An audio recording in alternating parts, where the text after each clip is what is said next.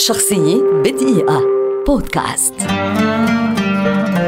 لوتشيانو بافاروتي مغني تنور إيطالي كبير ولد عام 1935 ويعد من أشهر فناني الأوبرا في عصرنا الحالي وأحد أعظم ثلاثة مغني تنور في العالم. نشأ في عائلة متوسطة وبعد أن تخلى عن حلمه بأن يصبح حارس مرمى كرة قدم محترف أصر على قضاء سبع سنوات في التدريب الصوتي ليبدأ حياته كتنور في إيطاليا عام 1961 ثم راح يغني في دور الأوبرا في هولندا وفيينا ولندن وأنقرة وبودابست وبرشلونة وقد اكتسب التنور الشاب حينها الخبرة اللازمة بالإضافة إلى التقدير الواضح.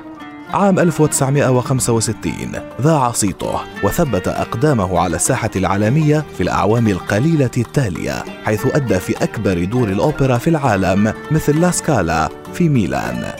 بحلول منتصف السبعينات صار بافاروتي مشهورا في جميع أنحاء العالم بتميز حضوره وروعة أدائه خاصة في الطبقات العالية. كما ذاع صيته خارج نطاق جمهور الأوبرا كنجم غنائي بعد أدائه الرائع لأوبرا نيسون دورما في كأس العالم بإيطاليا عام 1990 في الأولمبياد الشتوية في تورينو عام 2006 شاهد العالم بافاروتي يغني للمرة الأخيرة إذ غنى نيسون دورما بشكل استثنائي مرة أخرى وأدت الجموع الكبيرة دور الكورال المصاحب في مشهد مهيب ومؤثر.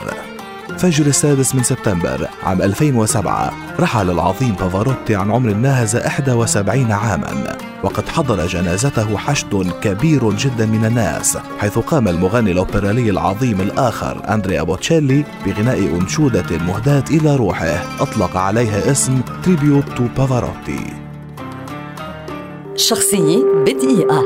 بودكاست.